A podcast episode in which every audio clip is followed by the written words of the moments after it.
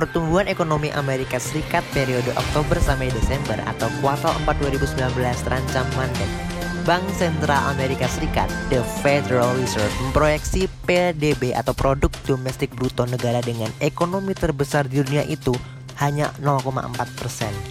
Proyeksi itu lebih rendah ketimbang perkiraan awal yang sebesar 0,7 persen.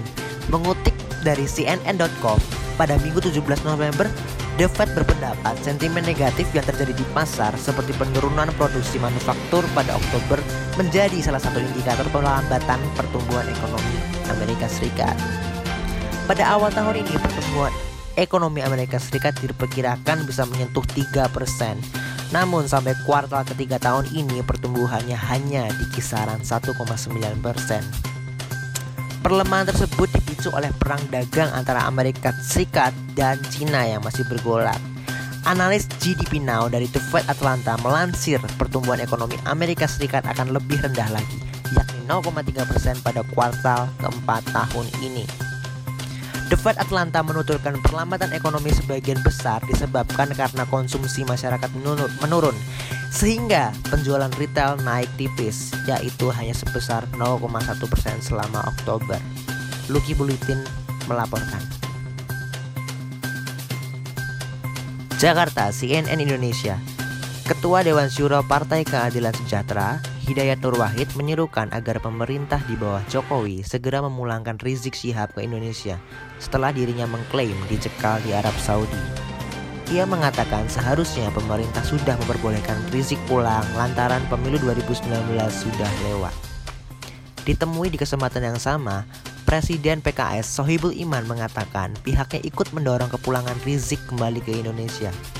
Dorongan dari PKS itu melalui komitmen maupun janji politik pada pemilu 2019, salah satunya memperjuangkan rancangan undang-undang perlindungan ulama, tokoh agama, dan simbol agama di pembahasan program legislasi nasional 2019.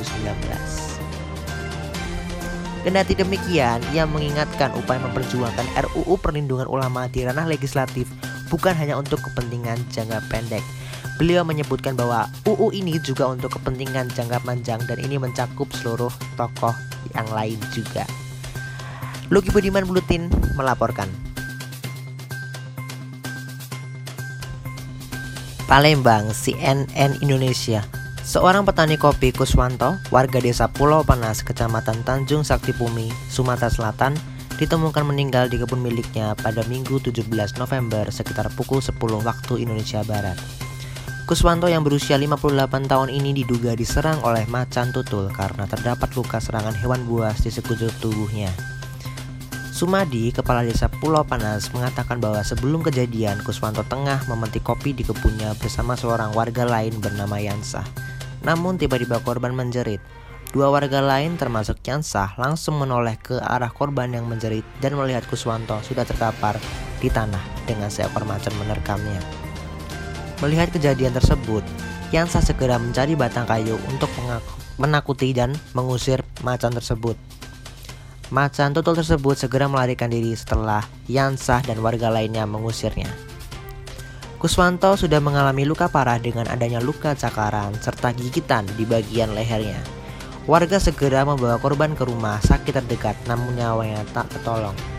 Semangat Sumadi mengatakan warga cukup terkejut dengan adanya kejadian tersebut karena nyaris tidak adanya serangan hewan liar kepada warga di kawasan desa Pulau Panas secara umum. Dirinya telah mengimbau kepada seluruh warga untuk tidak dulu beraktivitas di lokasi penyerangan tersebut dan waspada setiap beraktivitas di luar ruangan. Dirinya khawatir jika masa tutul tersebut masih berkeliaran di sekitar pemukiman. Luki Budiman News melaporkan. Yogyakarta, kenaikan harga beras di Indonesia marak diberitakan sedari Agustus. Dilansir dari kata data.co.id, Kenaikan rata-rata harga beras di Indonesia meningkat secara bertahap dari Agustus hingga Oktober.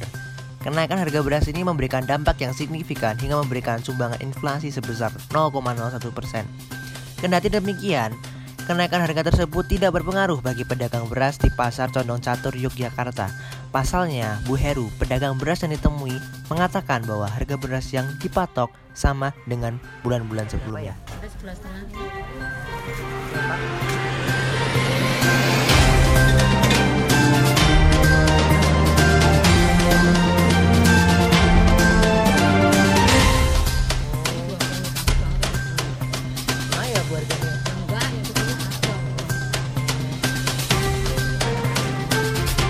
Bu Heru juga mengatakan bahwa harga beras memang masih fluktuatif dan hal ini terjadi sepanjang tahun.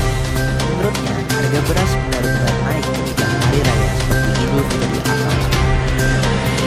you.